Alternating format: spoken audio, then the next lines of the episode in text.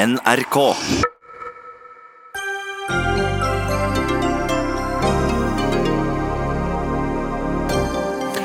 Hva var egentlig motivet til USAs justisminister da han gikk ut offentlig og kritiserte tvitringen til sin egen sjef, Donald Trump? Justisministeren er fortsatt justisminister. Høyskolerektor og Norsk studentorganisasjon går ut mot utvalget som vil fjerne kjønnspoeng som inntaksfordel til høyere utdanning. Norge har brukt over tre millioner av tippemidlene til å hjelpe kinesere til å bli bedre i vinteridrett. Det er verken del av idretten eller Arbeiderpartiet særlig begeistret for. Og en rådgivningsside for ungdom rådet en 16-åring som vurderte å fjerne brystene sine, om å kontakte en privat plastisk kirurg. Nå beklager siden, men KrFU er kritiske til hvordan nettsiden svarer på spørsmålet fra barn og unge.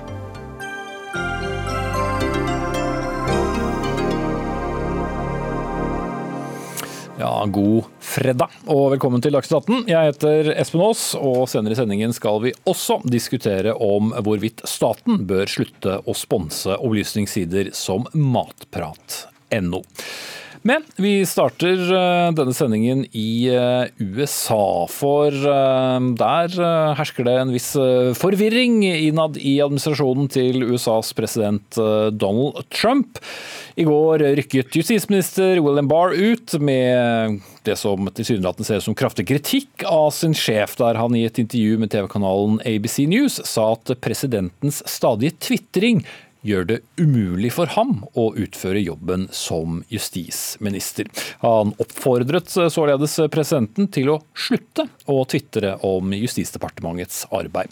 Og Bakgrunnen for det hele er rettssaken mot Trumps tidligere rådgiver Roger Stone, som Trump mente ville få for streng straff. Og Vi skal gå inn i den historien om litt, men først USA-korrespondent Anders Magnus.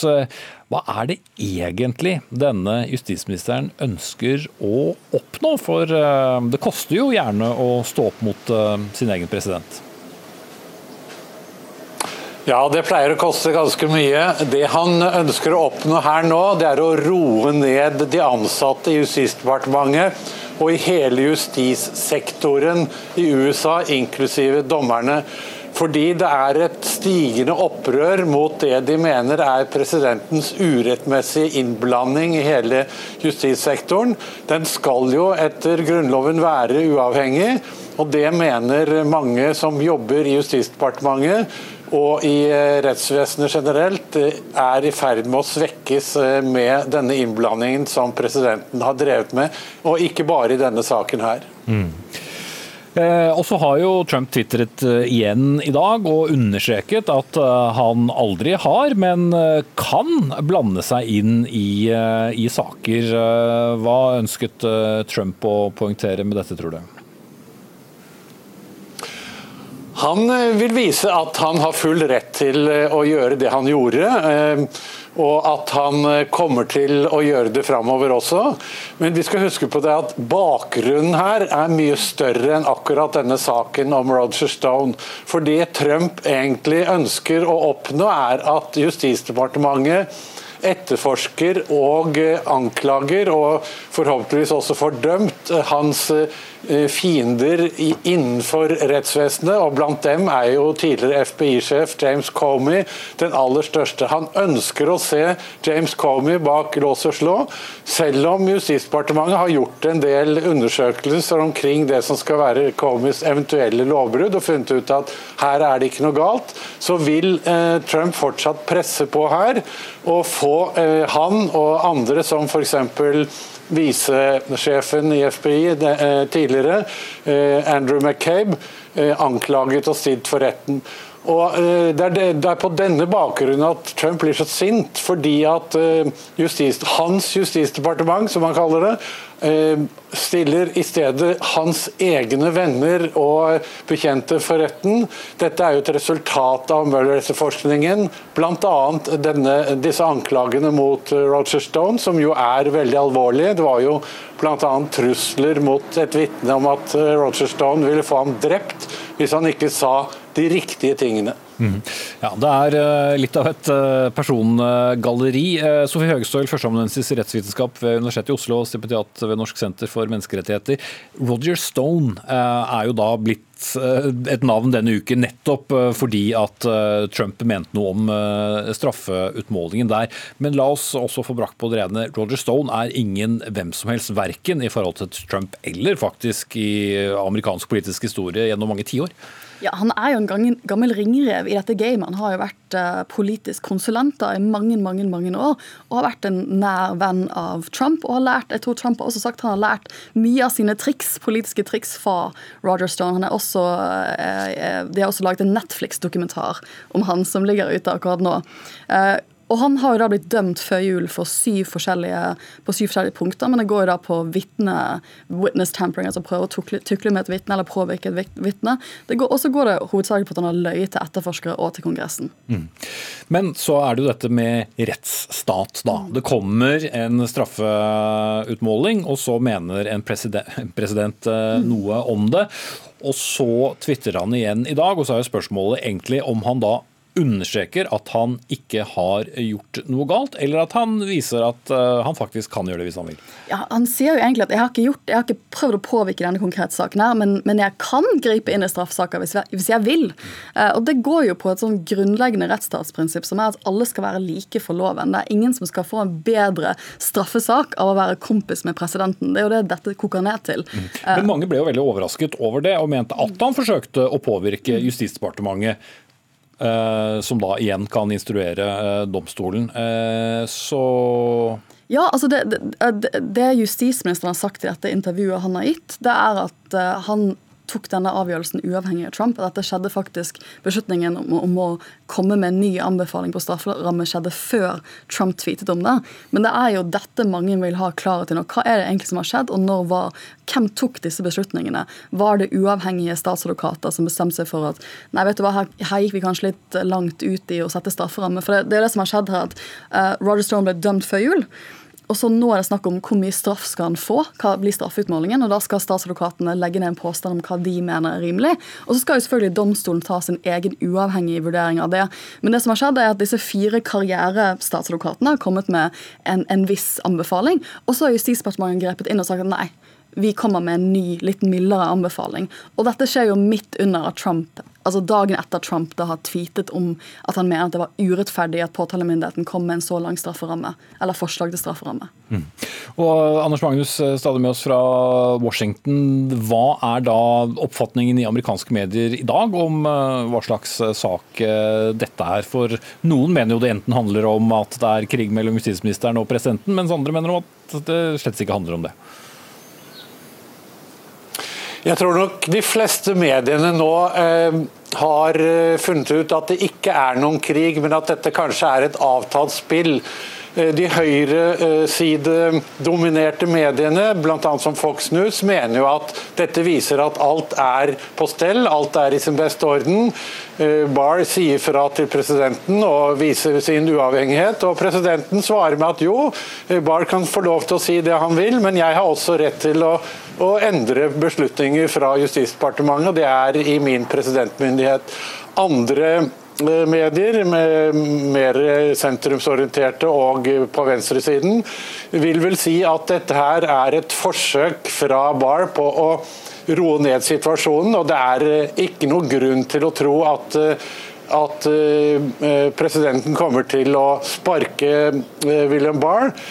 Det tror jeg det er litt for tidlig å, svare på ennå. fordi hvis eh, president eh, Trump eh, mener at Barr på denne måten har grepet for mye inn i hans uavhengige tvitring, så kan det være at, at forholdet surner. Det vet vi veldig lite om foreløpig. Det må vi vente og se noen dager først. Du følger med for oss der. Takk skal du ha, Anders Magnus, og takk til Sofie Høgstøl her i studio. Dagsnytt 18 alle hverdager kl 18.00 på NRK P2 og NRK2.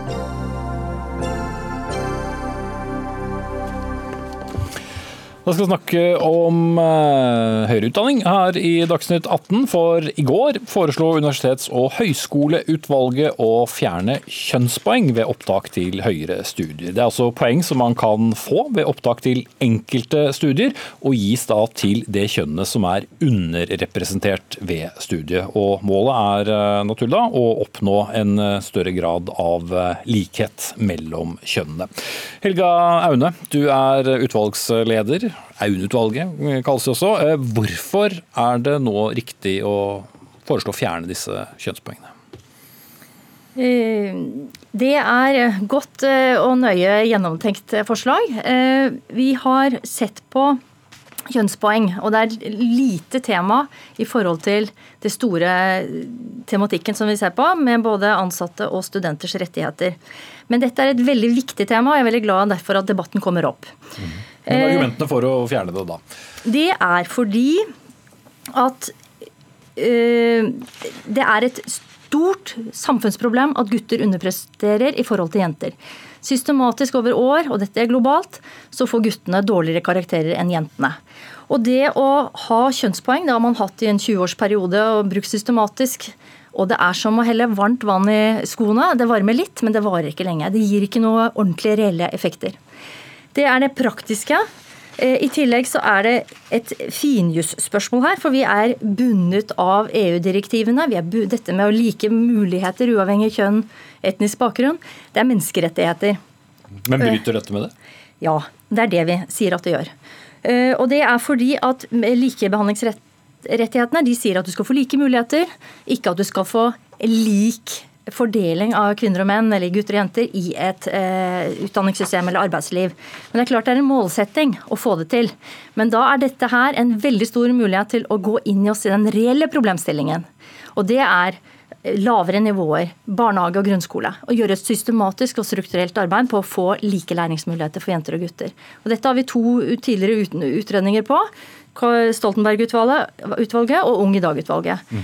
Men, men, bare for å være konkret igjen, da. Det at det faktisk jevner ut kjønnene på uh, enkelte studier, hvorfor er ikke det en eh, effekt i seg selv? Hvorfor er det det, det samme som hele varmt vann i skolen for oss? Fordi dette er en, menneskerettighetene er på individ- og ikke gruppetankegang. Jeg som menneske har én rett til like muligheter. Og når noen som har dårligere karakterer, får en automatisk rett til ekstrapoeng. Matematisk ser man på det uten å ha noen individuell vurdering av, av kompetansenivåene så er det en urettferdighet. Da er det noen som ikke får sin rett, og det er direkte som følge av kjønn. Og det er i strid med EU-reglene. Vi har masse dommer på arbeidsrett, ingenting på kjønnspoeng, men det er samme menneskerettighetene som ligger til grunn for hele regelverket, og vi har en dom om akkurat dette fra Sverige. Ok. Kurt Rice, rektor ved Oslo OsloMet, Storbyuniversitetet, og også leder av Komité for kjønnsbalanse og mangfold i, i forskning som Kunnskapsdepartementet satte ned. Du ser jo dette i praksis. Hvordan fungerer disse kjønnspoengene i dag? Så disse kjønnspoengene fungerer utmerket hvis målet er å bidra til at samfunnet får et mer likestilt arbeidsliv. Hvis samfunnet har et legitimt ønske om å ha mannlige psykologer, om å ha menn i barneskolen, om å ha flere kvinnelige ingeniører, så må høyere utdanning levere på en eller annen måte. Og et av de tiltakene som har vist seg å være veldig effektivt, er jo kjønnspoeng. Og det er for øvrig ikke sånn at man med lavere karakter går forbi en annen. Ikke nødvendigvis. Fordi flere programmer bruker ett poeng, og det er per definisjon moderat kjønnskvartering når to, eh, to søkere ellers er Men det gir jo en fordel, det er jo hele poenget. Eh, ikke hvis du gir litt ekstra til to som er likestilt, du velger det underrepresenterte kjønn. Men det kan gi litt ekstra, men dette er marginalt. Altså, det, er, det er ikke diskriminerende i det hele tatt. Det er jo å anerkjenne at systemet for opptak er ikke perfekt. Mm. Og typiske eh, studier hvor du mener det fortsatt vil være riktig å bruke disse kjønnspoengene, hva er det? Ja, altså Sykepleier, psykolog, barnevern. Vi bruker det på Oslo OsloMet i barnevern. Det har gitt betydelig effekt med å få flere mannlige studenter inn i barnevernutdanning, det mener vi er helt riktig å gjøre. Så din eh, reaksjon på utvalget er da? Utvalget jeg er veldig glad for å høre utvalgets leder si at dette, dette at det ikke er noe dom som sier at dette er ulovlig, for det er et godt tiltak som vi må få lov til å fortsette å bruke. Ja, Det var ikke det jeg sa, for jeg sa at det fins en dom fra det fra, fra svensk rett som du bruker EU-retten her. Eh, eh, jussen her sier at, skal, at, hvis du skal bruke moderat kvotering, eller direkte kvotering som det du snakker om her, det er ikke moderat tiltak, det er direkte. Du får et kjønnspoeng basert på kjønn. Så skal et sånt tiltak etter reglene være formål å fremme likestilling, det skal være egnet, og forholdet mellom disse tiltakene må være når det er så inngripende at du ikke kommer inn på studiet, så må det være Men, men Rice, hvordan kan du vite at ikke det vil ha noen effekt å gjøre som utvalget foreslår, og heller styre dette mye tidligere, og ikke vente helt til eh, man har kommet til høyere utdanning? Vel, altså, man, man må tørre å stå for noen verdier her. Jeg har ikke en generasjon til å vente med når det gjelder likestilling i norsk arbeidsliv. Vi må handle nå, og vi må ikke handle på barn barn utelukkende på barnehagenivå. Vi må handle på høyere utdanningsnivå, og det er det som vi ønsker å gjøre.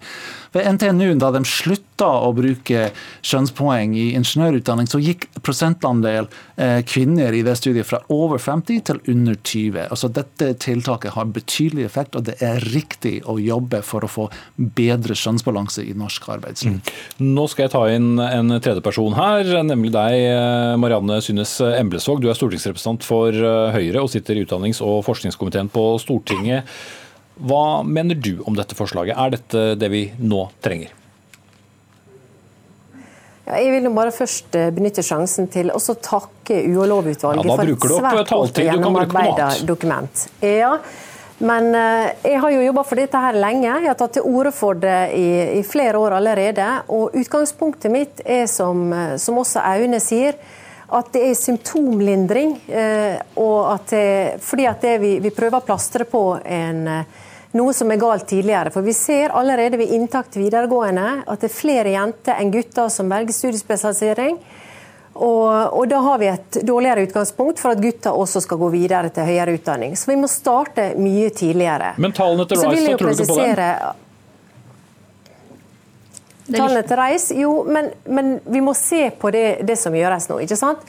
Vi gir ekstra kjønnspoeng eh, til, eh, til, noen som er dårligere kvalifisert enn andre, slik at de kan gå forbi. Eh, når vi snakker om kjønnskvotering vanligvis, så ta, har vi to søkere som i utgangspunktet er likt kvalifisert, og så velger vi den ene fordi det er spesielle grunner til det. I denne saken her så gir vi noen i utgangspunktet automatisk et kjønnspoeng fordi at de skal kunne gå forbi andre. Og Det mener jeg er diskriminerende mot dem som ikke mottar det poenget. Right. Dette er ikke diskriminerende. Når vi bruker ett poeng, så er det Et definisjon av moderat kjønnskvotering. Og selv om vi eventuelt bruker to, det er jo eh, et valg som vi tar, som anerkjenner at kanskje karaktersetting på videregående ikke er helt perfekt. Nei, du kan ikke sitte på høyere utdanning og overprøve hva som skjer av karaktersetting i videregående skole. Det blir helt feil. For det er det, det du mener egentlig skjer med disse kjønnspoengene, at vi overprøver det som har skjedd på lavere det er direkte forskjellsbehandling. Én person får automatisk ett poeng eller to som noen andre ikke får. Det er urettferdig. Det er forskjellsbehandling. Men nå vil jeg ta inn eh, en som representerer de som kanskje aller mest eh, har erfaring med dette, nemlig studentene. Eh, Filippe Garcia, du er nestleder i Norsk studentorganisasjon. Hva sier dere som studenter? Altså, for det første så er vi helt uenige med Emblensvåg, som sier at eh, de eh, som får det kjønnspoeng eh, og kommer inn som følge av det, er dårlig kvalifisert. Fordi Det som gjør en kvalifisert, er at man har generell studiekompetanse som tillater en å søke til høyere utdanning. Det finnes ikke noen poenggrense for å komme inn på enkelte utdanninger, men har man fem i snitt, så har man 50 poeng. Får man et kjønnspoeng, så har man 51 poeng. Det er ikke de store forskjellene her, og vi syns det er egentlig et angrep på de som faktisk kommer inn på, på høyere utdanning som følge av kjønnspoeng. fordi de har kommet inn nettopp for å eh, bidra til å oppfylle et samfunnsansvar som eh, Kurt her tar opp. Og Øyne tar jo også opp at dette her går utover enkeltindividet, men tillitspoeng handler mer om enkeltindividet. Vi må jo også se på hvordan vi ønsker at det norske samfunnet skal se ut.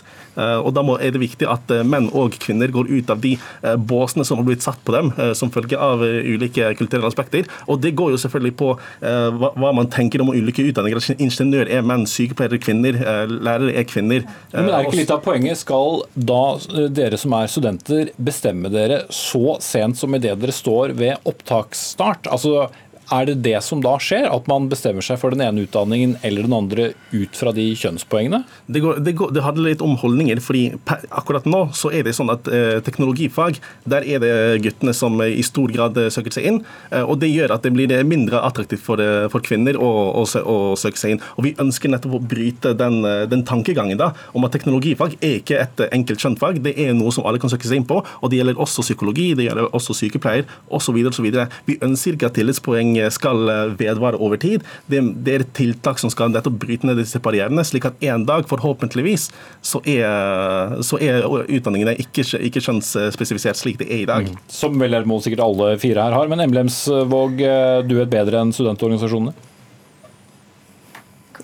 Eh, det som jeg mener er jo at er ikke enig i at to poeng ikke betyr noe. På studiet, sånn som veterinærstudiet så betyr to poeng veldig mye. og Det er mange unge som bruker år på å kvalifisere seg til å komme inn.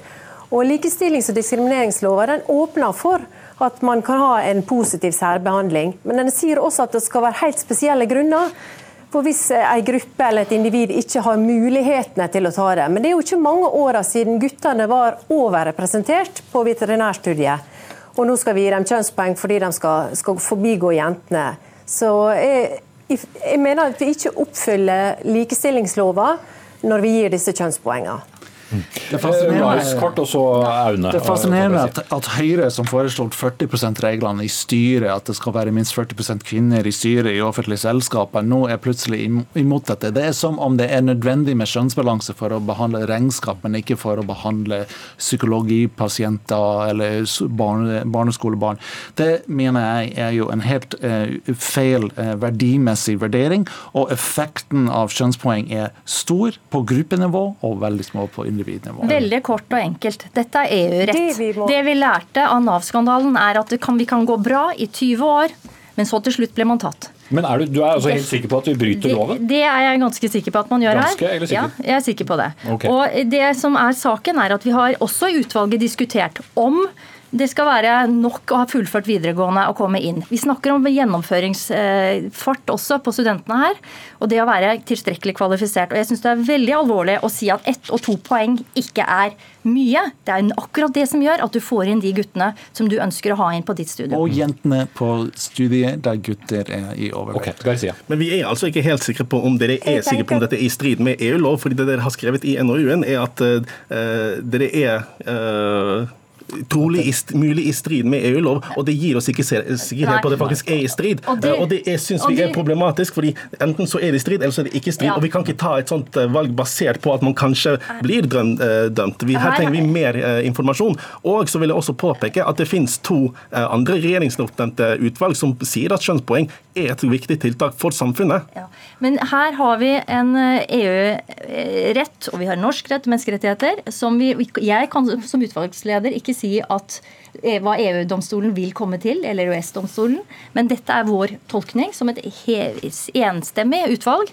Og dette er en fin anledning for politikere til å gå tak i denne problemstillingen, som ikke løses med plaster, men du må inn i barnehage, grunnskole og videregående for å gi kompetanse til barna. Mm. Det er statsråd Henrik Asheim som har mottatt uh, dette forslaget fra utvalget, som har gjennomgått uh, universitets- og høyskoleloven. Han syns det er for tidlig å kommentere saken her, og som med alle slike saker, nå skal det ut på høring. I hvert fall ingen kjønnspoeng nødvendig for å komme hit. I hvert fall takk skal dere ha alle fire. Vi uh, hørte Helge Aune, som var leder av utvalget, Kurt Rice, rektor ved Oslo OsloMet, Marianne Emlisvåg, stortingsrepresentant representant fra Høyre, og Filip Garcia, nestleder i Norsk studentorganisasjon.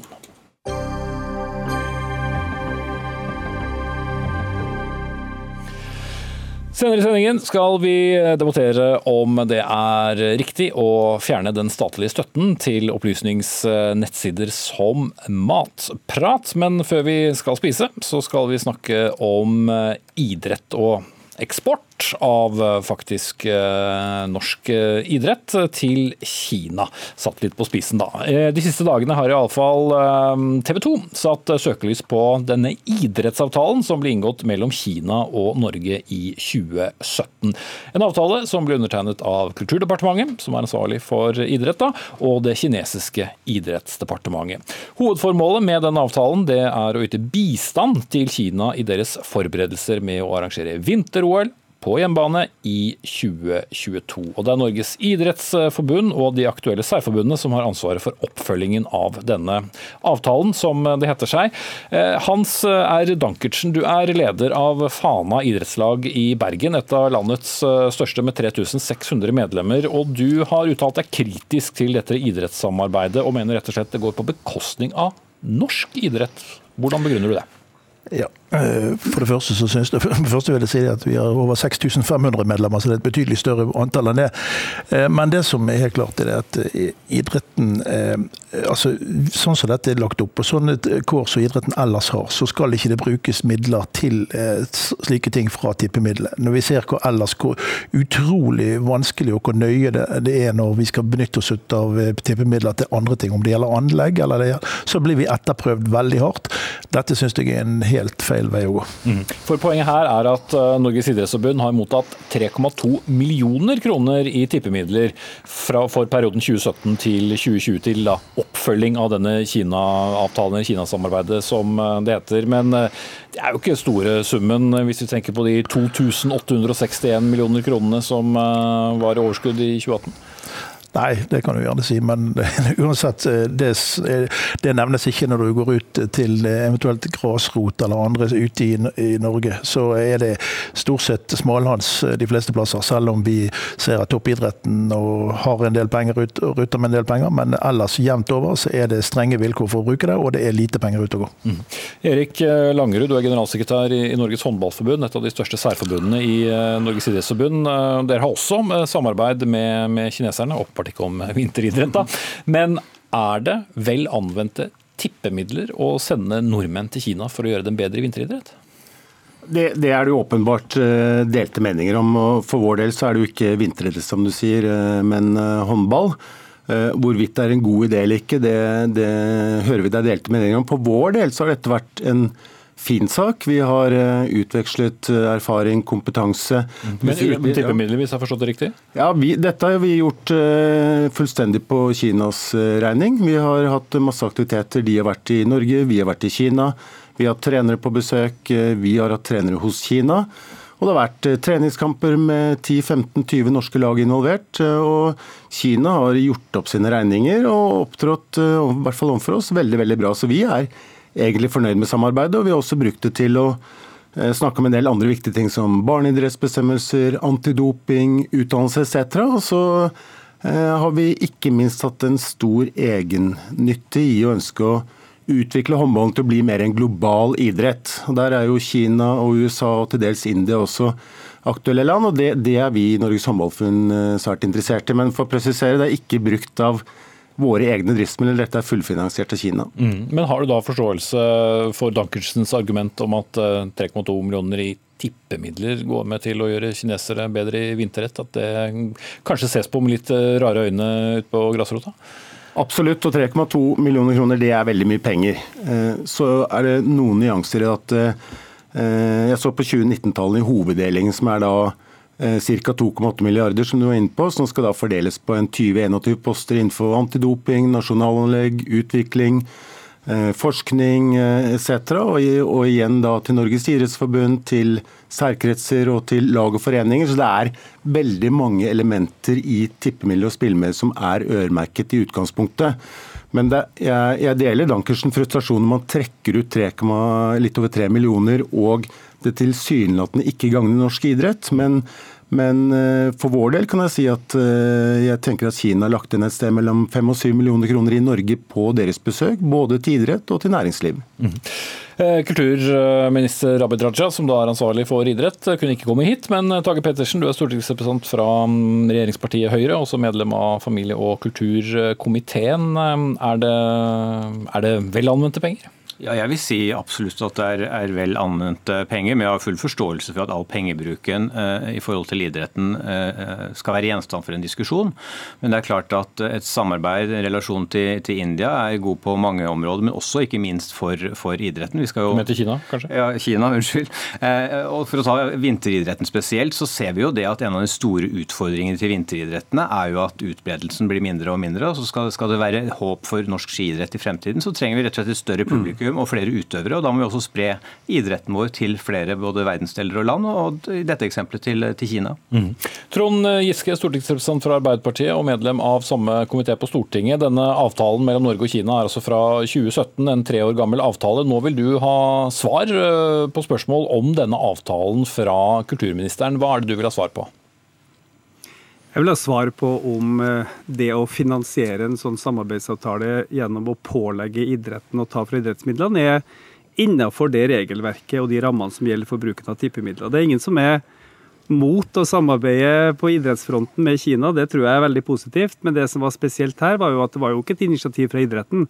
Det var Utenriksdepartementet og Kulturdepartementet som eh, fant på dette nærmest uten at idretten hadde vært informert. Og så kommer man etterpå og sier at men det er dere som skal ta regninga gjennom tippemidlene. Jeg syns at man kan ta utenrikspolitiske utgifter over Utenriksdepartementets budsjett. Og hvis dette er småpenger for idretten, som kulturministeren sier, så er det definitivt småpenger på et statsbudsjett. Jeg syns det er smålig at lag og foreninger rundt omkring i Norge skal ta den regninga. Tre millioner det er 100 000 kroner til 30 klubber. Det er mye penger i norsk frivillighet. Men, men, men Trond Giske tar jo, tar jo, feil her. Altså, disse pengene er altså ikke tatt fra det som er tildelt idretten. Når det gjelder tippemidlene, 64% av midlene går til idrettsformål, som igjen deles i tre, hvor 50% minimum skal gå til anlegg, og så skal det gå en brorpart til aktivitet, og så er det en tredje post som Trond Giske også kjenner veldig godt til, som heter formål som departementet finner formålstjenlig, eh, som det alltid settes av noe penger på. Så er det politisk avgjørelse. Det er disse midlene som er benyttet, og det er ikke midler som er tatt tilbake fra idretten. Idretten har fått det de har lovet i budsjettene,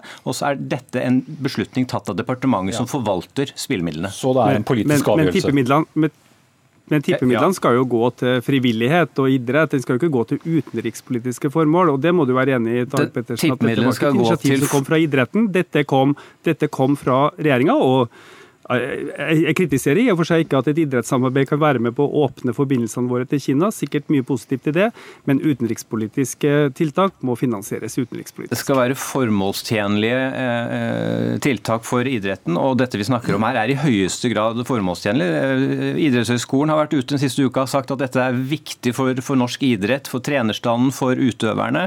Eh, vi fikk nettopp eksempel på at her er det håndballklubber rundt om i det ganske landet som arrangerer kamper, har publikumsinntekter og ganske mye annet. Så dette genererer ganske mye aktivitet utover det som Kina og Norge får ut av dette. Mm. Vi snakket med tidligere idrettspresident eh, Tom Tvedt. Han sa at eh, han var tydelig på at ikke en krone av tippemidlene burde gå til et sånt eh, prosjekt. Hadde heller ikke undertegnet noen avtale på vegne av Norge.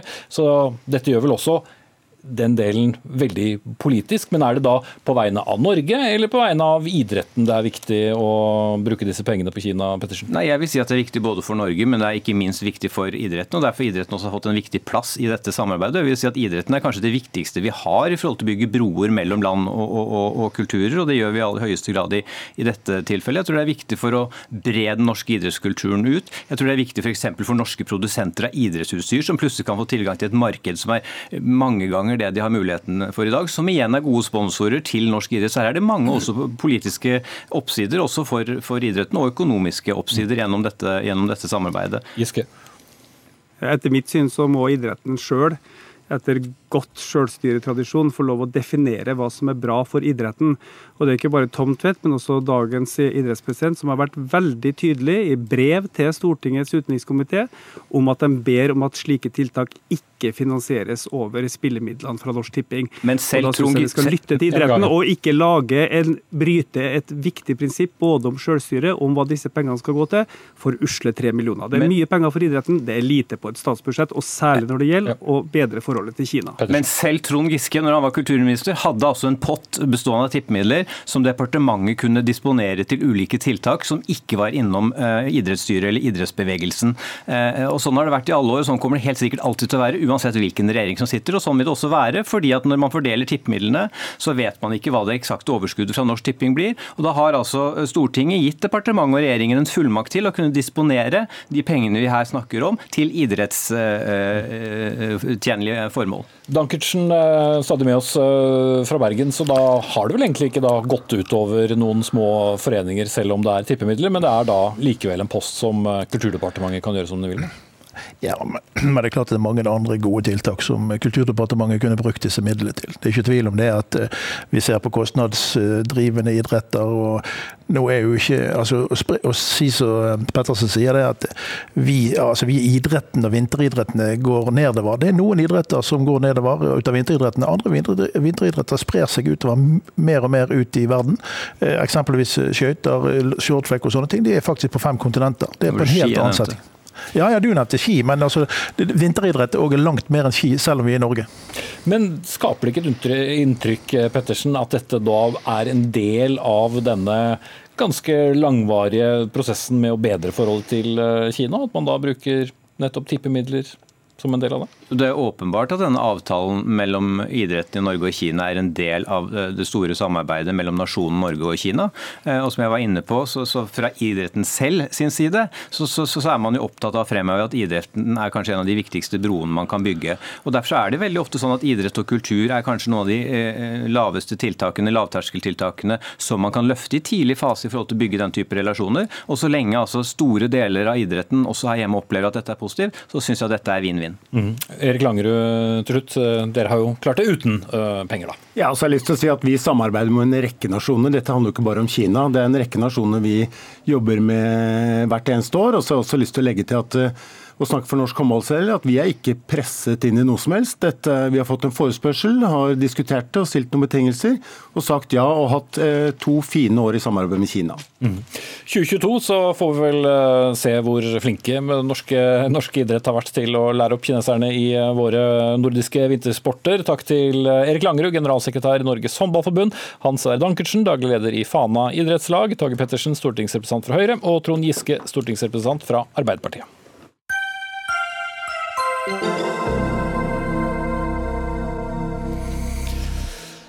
skal vi snakke om mat, og det er vel en og annen der hjemme som kanskje følger med på Dagsnytt 18 mens de gjør klar taco, kanskje med stekt kjøttdeig eller eh, noe annet. Og kanskje har noen også klikket seg inn på nettsiden matprat.no for å finne oppskriftsmuligheter der.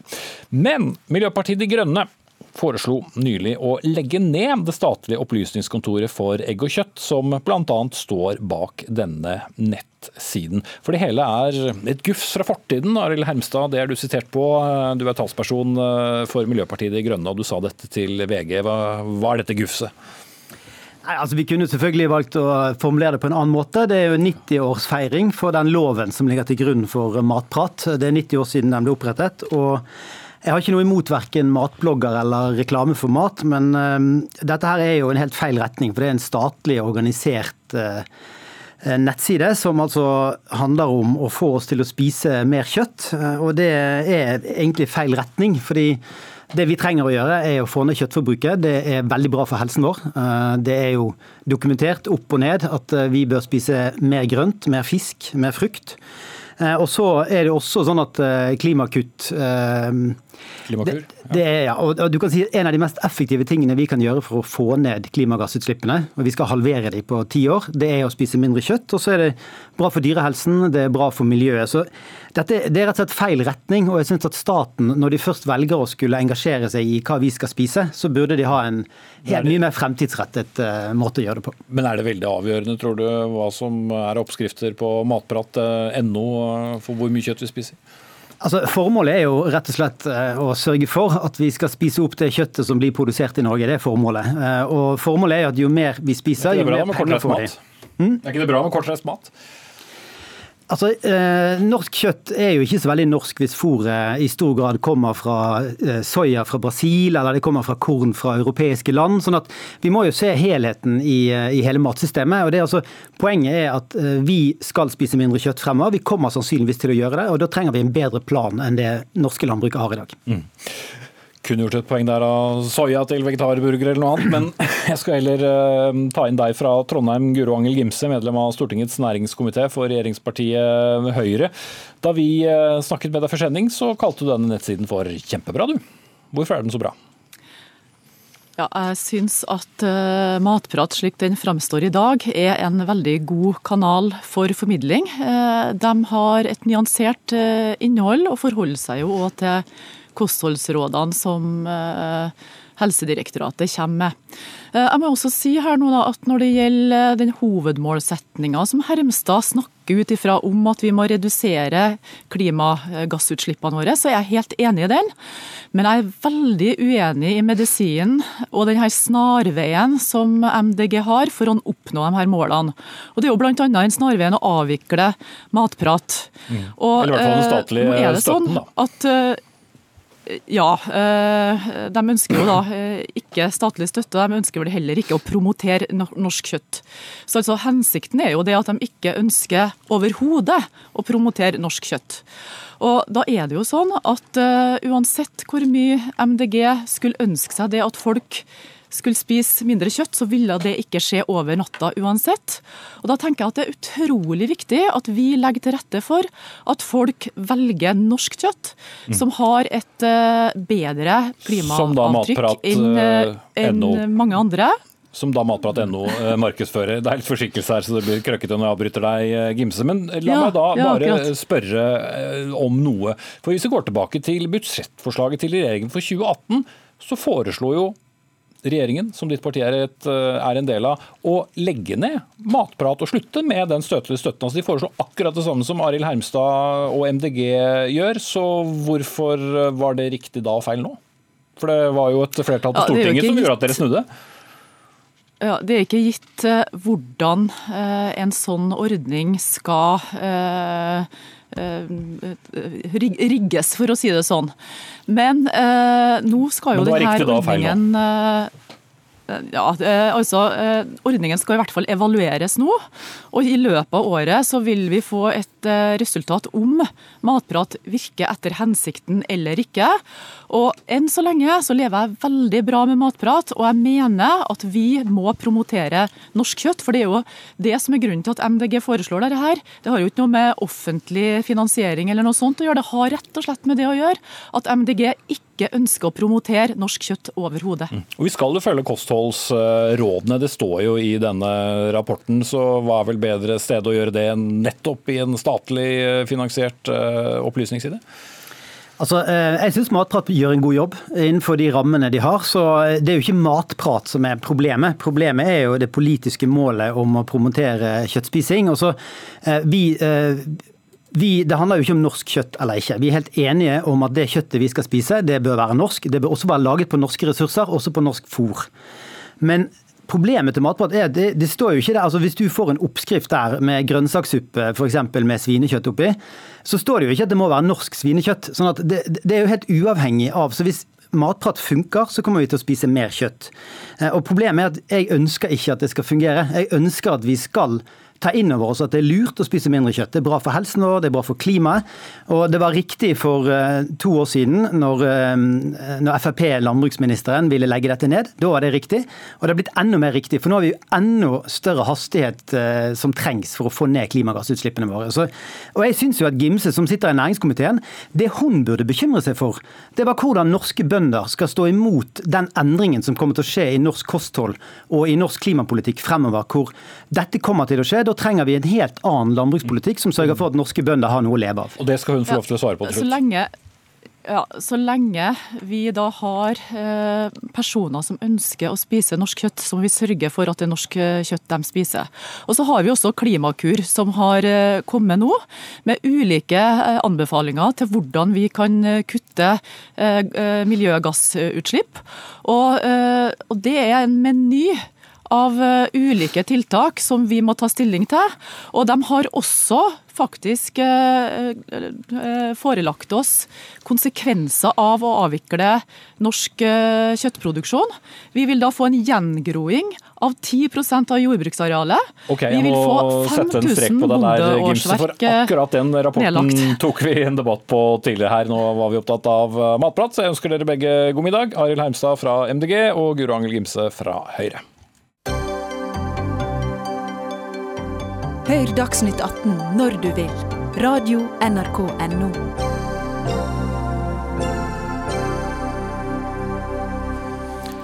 Fri rettshjelp er eh, nå tema, det som altså skal sikre at personer som ikke har råd til advokat, skal få gratis juridisk hjelp. Det er bare at de satsene har stått på stedet hvil helt siden 2009.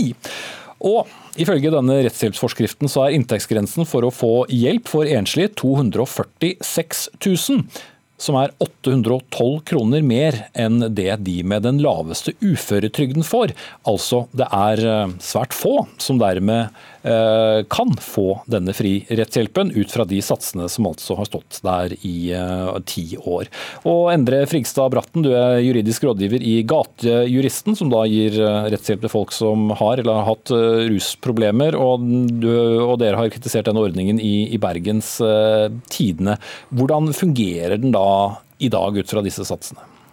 Nei, Norge er jo en rettsstat, og det innebærer at eh, både myndighetene og innbyggerne er styrt av de juridiske spillereglene. Og da er det ikke den som har eh, mest penger eller mest makt som skal vinne fram, men den som har det juridiske riktige resultatet på sin side. Og I samfunnet i dag så ser vi økt rettsliggjøring, økte økonomiske og sosiale forskjeller, og en forvaltning som eh, fjerner seg mer og mer fra marginaliserte grupper. Så ordningen i dag er jo da avhengig av at mennesker får rettshjelp, og det får man i veldig liten grad hvis man har ikke en høy inntekt. På din side sitter du, Petter Frølich, stortingsrepresentant eh, for Høyre i justiskomiteen. Eh, regjeringen satte da ned, det må jo nevnes også, et utvalg for to år siden som skulle se på dette. Men eh, hvorfor har det ikke skjedd noe? For dette tar litt tid for dette utvalget å jobbe. Og så skal jeg være den første til å innrømme at uh, disse reglene rett og slett ikke er gode nok lenger. Uh, 812 kroner som skiller laveste minste mm. uføretrygdsats og den satsen. Det betyr at knapt noen har tilgang på fri rettshjelp? det er vel? Nettopp. Og um, det er rett og slett ikke godt nok. Så Ofte så skal jo politikere sitte og si at alt vi gjør er perfekt, og sånn, men det er ingen grunn til å gjøre det i denne saken. Mm. Dette er rett og slett en uh, følgefeil som har uh, ligget i lovverket siden 2009. Det burde nok vært oppjustert tidligere. Um, nå skjer det i det minste noe, og vi skal sørge for at når ekspertutvalget er ferdig med sitt forslag til nye regler, så må vi ha høyt tempo i behandlingen, sånn at vi får dette gjennom i Stortinget, i alle fall i inneværende stortingsperiode. Ja, Noen vil kanskje more seg over at uh, man trenger to år på å gjøre noe som virker så åpenbart? Ja, men Det er ikke så åpenbart eh, når du først setter deg ned med detaljene. Det er veldig vanskelig å vite hvor grensene skal gå, hvilke saker skal falle innenfor, hvilke saker skal falle utenfor. Og så tror jeg vi må erkjenne også at eh, det er mye av rettshjelpen i dag som kanskje treffer feil. Altså At vi rett og slett har gjort ordningen for bred. At det er deler av rettshjelpordningen som uh, egentlig kan betegnes som litt sløsing med ressurser. Uh, vi har fått tilbakemelding f.eks. at bistandsadvokatordningen er litt for uh, omfattende. Det er veldig bra at folk får tilgang til bistandsadvokater, men det er ikke nødvendigvis sånn at du trenger det i alle saker. Det kan mm. være at den må reduseres litt, og at pengene må brukes på de som trenger det aller, aller mest. Ok, Og det er da åpenbart ikke så mange ut fra disse satsene, da. Bratten, svar på det Frølich sa. Hvor bør disse satsene ligge, ut fra din erfaring? Altså, dette er jo ikke et, et nytt problem. Eh, den inntektsgrensen har blitt justert to ganger siden 2003. Og nå er jo jurister vanligvis ikke så flinke til å regne, men jeg har likevel funnet fram noen tall. Og da ser vi at eh, grunnbeløpet i folketrygden i 2003 det var på 56 861 kroner. I 2019 så har det steget til 99 eh, 589. Så det er økt mer? Det er en økning på 75 Ser vi på gjennomsnittlig lønn, så var den i 2003 319 000. I 2019 569 000. Det er en økning på 77 Nå tror jeg alle har glemt de tallene, for det er så mange. Jeg tror vi heller skal prøve å konkretisere det. Altså, mye, altså, øh, poenget er vel da hvem bør få uh, tilgang til uh, fri rettshjelp? Det som var eh, ment med fri rettshjelpordningen, var at den skulle jo hjelpe de med lavere inntekt. og Da må man jo binde den opp mot f.eks. grunnbeløpet i folketrygden, sånn at det justeres. Mm. Og Det blir litt lettvint for eh, justispartiet Høyre å mene at at det gjøres noe nå, for det her har vært varslet av mange over lang tid. Og det er vel ikke du helt ukjent med heller, Frølich? Jeg, altså, jeg, tror dette, en, jeg, tror dette er noe alle partier kan på en måte gå litt i seg selv og ta selvkritikk på. Når man lager en lov som skal gi rettigheter, men ikke inflasjonsjustere den, så er det klart at på et eller annet tidspunkt så vil, så vil tiden løpe fra regel. Så Det er bare å si først som sist at her bør man oppjustere den grensen. Det har vært ute i Dagsavisen i dag og lovet at vi skal gjøre. Og jeg håper at vi kan eh, få gjort det innenfor eh, denne stortingsperioden. Mm. Bratten, du skal få siste ord her.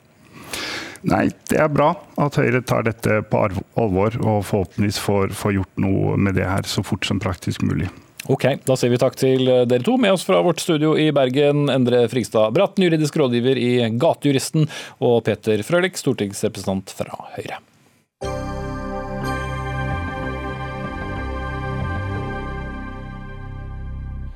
Den offentlige informasjonskanalen Ung.no svarer barn og ungdom på alt fra alkohol, jobb for unge, barnevern, forelskelse, overgrep, økonomi, klima og miljø, dop, kjønnsidentitet, selvtillit, sex og spiseforstyrrelser. Men nå har bl.a. KrFU reagert på noen av svarene som ligger under tema kjønnsidentitet, og mener at unge der får skadelige anbefalinger. Og Hadle Bjuland, du er nestleder av KrFU, altså Kristelig Folkeparti Ungdom, i den grad du lurte på det. Og nå ber du altså Ung.no om å gjennomgå sine rutiner. Hva slags svar er det de gir som eh, dere mener ikke er bra nok? Ja, jeg reagerte jo når jeg så at uh, denne rådgivningstjenesten ung.no, en rådgiver på vegne av ung.no, sier at ungdom det er ungdom som spør om det er greit eller om det er galt å mene at det kun finnes to kjønn, og denne rådgiveren svarer at det er like rart som å mene at jorda er flat. Jeg mener ikke at dette er en måte å møte ungdom på. For det første skal det være mye mer nyansert. Og så framstiller han jo denne ungdommen som at han er dum, som tydeligvis da ikke erkjenner åpenbare fakta. Og jeg mener at i denne debatten her, så er det ikke nødvendigvis åpenbare fakta. Jeg mener at forskningen og vitenskapen den er, vel, den er ikke entydig i det hele tatt. Og, men denne formuleringen for ung.no den er veldig bastante, og, vi, og sier egentlig indirekte at her er det åpenbare fakta. Og det syns jeg er veldig trist. og jeg synes ikke sånn ungdom skal møtes. Mm. Mari Tromal, du er direktør i Barne-, ungdoms- og familieetaten, som da er ansvarlig for den nettsiden ung.no. Er det forankrede anbefalinger som kommer der? Ja, det skal det være. Og som du nevnte innledningsvis, så er jo dette en veldig bred spørretjeneste den har omtrent eh, en million henvendelser i løpet av en måned, og svarer på nesten 50 000 spørsmål om året. Mm. Kan du da være sikker på at alle rådene er like gode? Ja, det er det da som er viktig for oss. For nettopp det at den er så mye brukt, gjør at vi er opptatt av kvaliteten. Og måten vi gjør det på, er at vi har omtrent 200 eh, som svarer på spørsmål, og de kommer da fra ulike etater, enten de er i Lånekassen, i Helsedirektoratet eller andre ting. Og så er det en del retningslinjer om hvordan disse svarene skal være. Det betyr at de skal være generelle, man skal gi god eh, og balansert informasjon.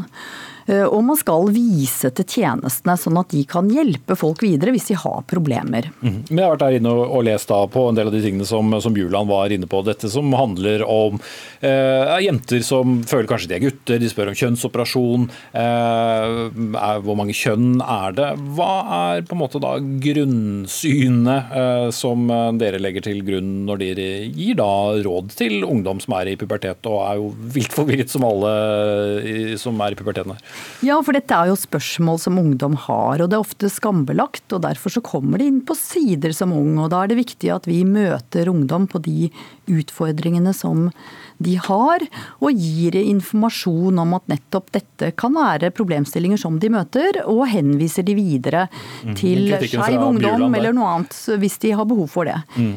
Vi bruker jo de, de retningslinjene som er, som er, de samme som eh, Helsedirektoratet bruker for eh, skolehelsetjenesten osv.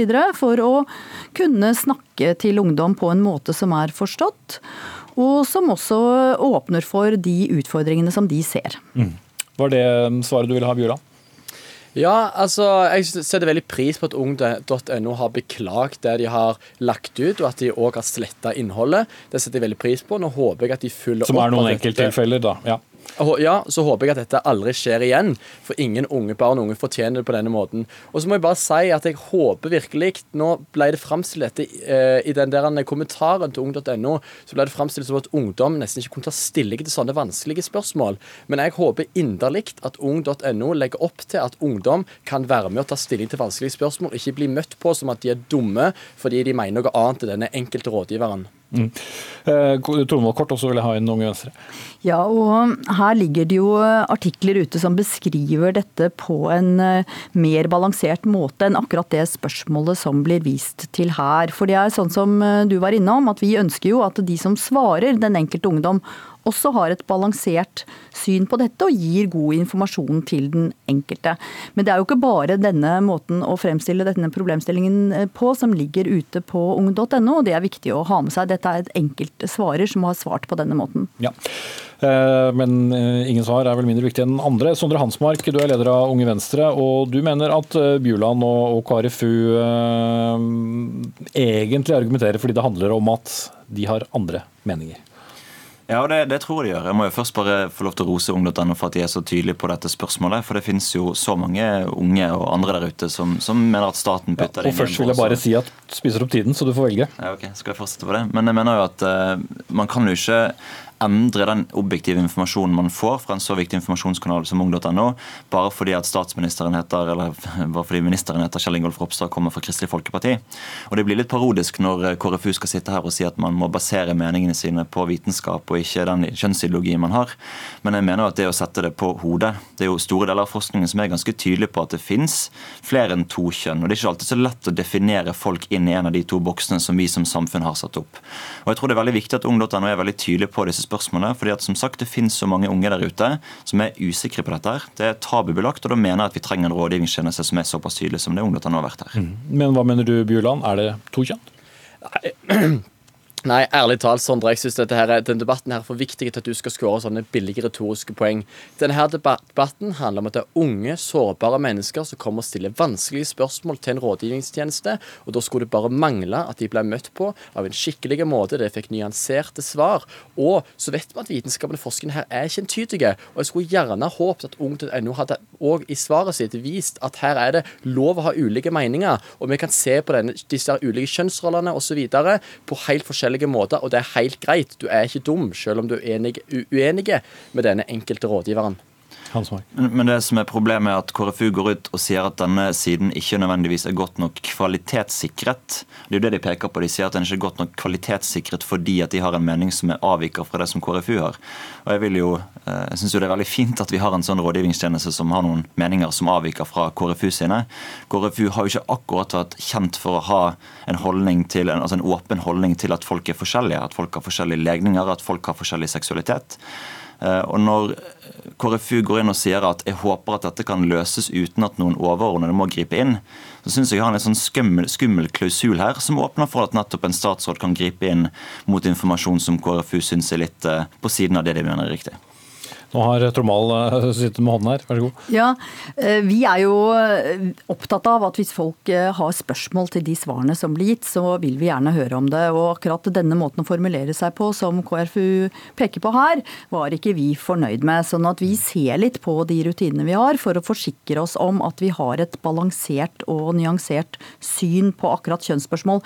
Men her er det mange meninger, og det merket vi jo i denne debatten også, at det kom opp. Og vi er opptatt av at ungdom nettopp skal få en nyansert nyansert syn fra ung.no. Og Det er jo veldig vanskelige spørsmål. Jeg har vært inne og lest i dag om en 15 år gammel gutt som spør om han kan få kvinnelig kjønnsorgan og pupper, men f.eks.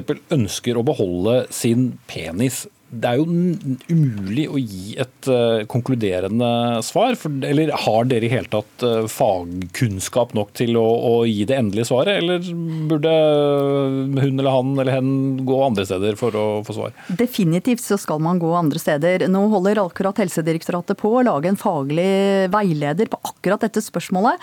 Og, og vi samarbeider tett med Helsedirektoratet, sånn at vi nettopp skal få oppdatert kunnskap om hvordan vi skal svare på disse veldig vanskelige spørsmålene spørsmålene. Og En viktig måte å svare på på ung.no er jo å viderehenvise til eh, tjenester som kan hjelpe ungdom for å få hjelp for denne typen spørsmål og andre ting. For dette lurer ungdom på. Mhm. Ja, så Hvor konkluderende bør de være, Hans Mark? Altså, jeg syns de bør eh, i hvert fall legge fra seg av moralismen. og det synes Jeg på ingen måte at, altså, at jeg synes ikke ungdommene er moralistiske, men det er litt det som KrFU ber de om å være. Å legge til grunn et bestemt syn på hvordan samfunnet skal være. Men jeg synes tvert imot at ungdommene har vært veldig flinke på å gi ungdom objektiv informasjon. Jeg har vært innom der selv og sjekket en del av svarene som ungdom har fått. Det er ganske mange kompliserte spørsmål som jeg syns at man har balanserte svar på. Jeg synes det er viktig at man har sånne tjenester som har en god seksualundervisning. Dere gir svar om eh, bruk av narkotika, dere gir svar om bruk av altså, straffenivå, om den type ting. Og det er viktig at ungdom har eh, kilder til sånn eh, objektiv og nøytral informasjon som det dere tilbyr. Mm. Jeg kan jo kanskje komme med en morsomhet at jeg finner bedre svar der enn jeg ofte får her eh, i studio. Så nå er tiden straks ute, så dere kan ikke si meg imot. Takk til Sondre Hansmark, leder av Unge Venstre, Hadle Bjuland, nestleder av KrFU, og Marit Romal, direktør i Barne-, ungdoms- og familieetaten. Anne Katrine Førli var ansvarlig for denne sendingen. Frode Thorshaug tok seg av det tekniske. Jeg heter Espen Aas, og om bare en bitte liten helg så er det en ny runde med Dagsnytt 18.